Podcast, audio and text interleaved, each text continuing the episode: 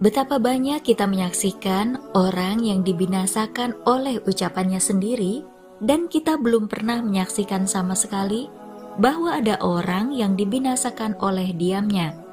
Maka, janganlah kamu berbicara kecuali dengan sesuatu yang dapat mendekatkanmu kepada Penciptamu.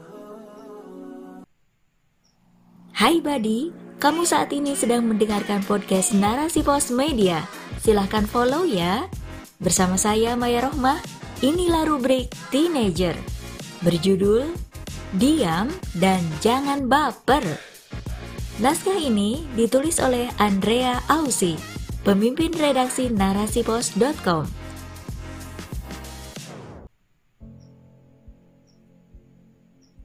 Hello buddy, kamu tahu nggak kalau Allah subhanahu wa ta'ala memberikan manusia satu mulut dan dua telinga, agar manusia lebih banyak mendengar daripada bicara? Namun kenyataannya justru manusia lebih banyak berbicara daripada mendengarkan hal-hal yang baik. Apalagi jika membicarakan kesalahan orang lain dan menghakiminya menurut kacamatanya sendiri, seolah dirinya maha benar. Manusia itu sering kali lupa loh untuk bisa menyaring apakah berita yang diterima itu benar apa tidak. Apalagi jika di hati sudah tertanam kebencian kepada seseorang, maka semua berita itu menurutnya benar. Biasanya nih, berita satu mili menjadi satu meter karena dibumbui dengan berita-berita lainnya biar makin berwarna.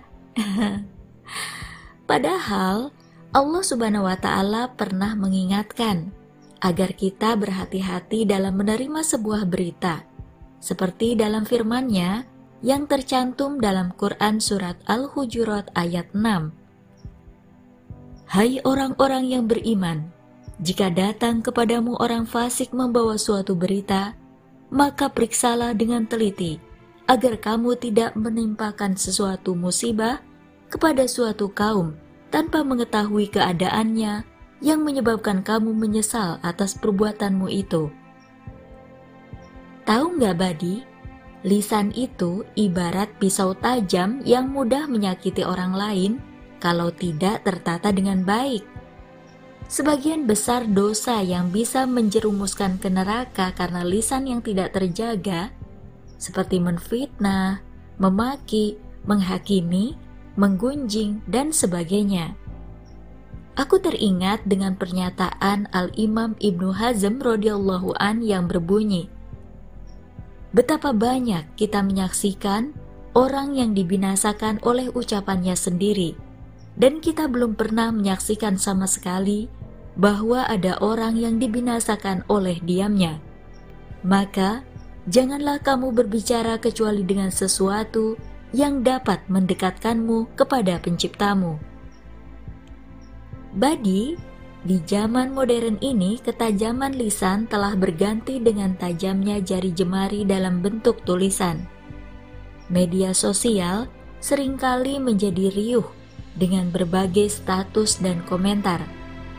Aku pernah mengalami kejadian yang sangat buruk, tepatnya tiga tahun yang lalu saat fitnahan, tuduhan, kebencian, sumpah serapah, bahkan ancaman melalui medsos.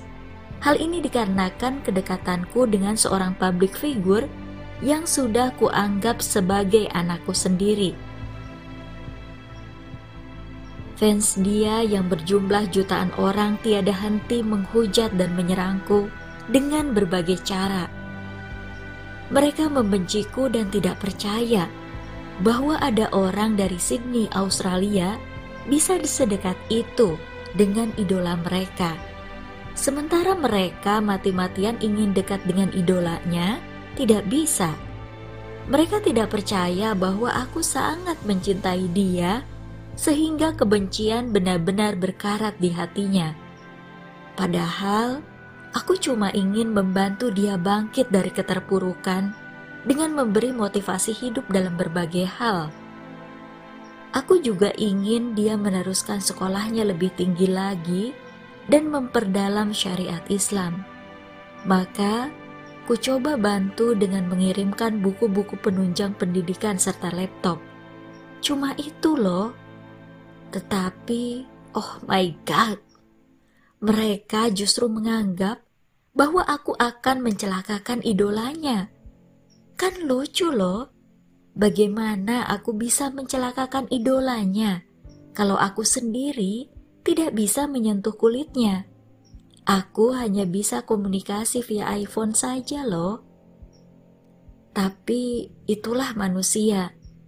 Ketika kebencian sudah berkarat, maka tak bisa melihat setetes kebaikan orang lain. Jujur loh, aku tak bisa mengerti dengan komen-komen miring serta hujatan penuh kebencian saat aku memosting status atau caption di medsosku, walaupun tentang siar Islam ataupun tentang sastra.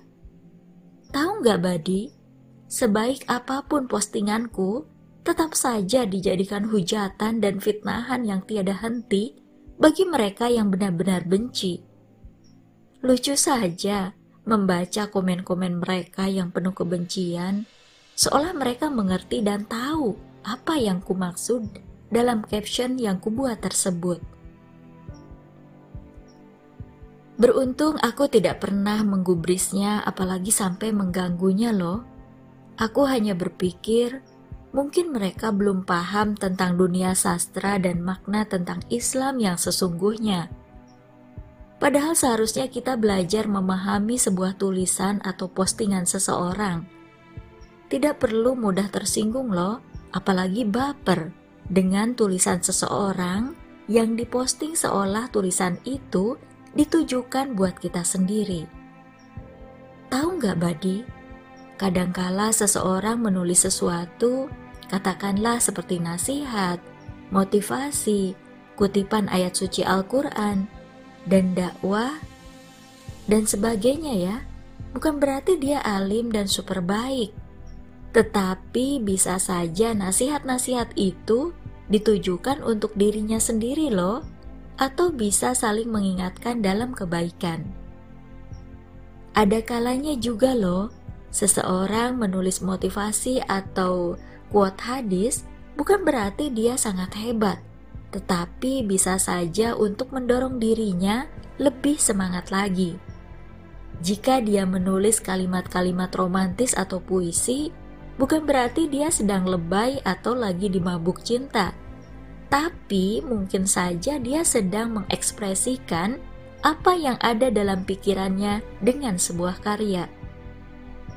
Coba deh tengok karya-karya Khalil Gibran, Ernest Hemingway, Sylvester Scott, Khairil Anwar, atau sastrawan-sastrawan hebat lainnya yang sangat mengagumkan dalam narasi tulisannya.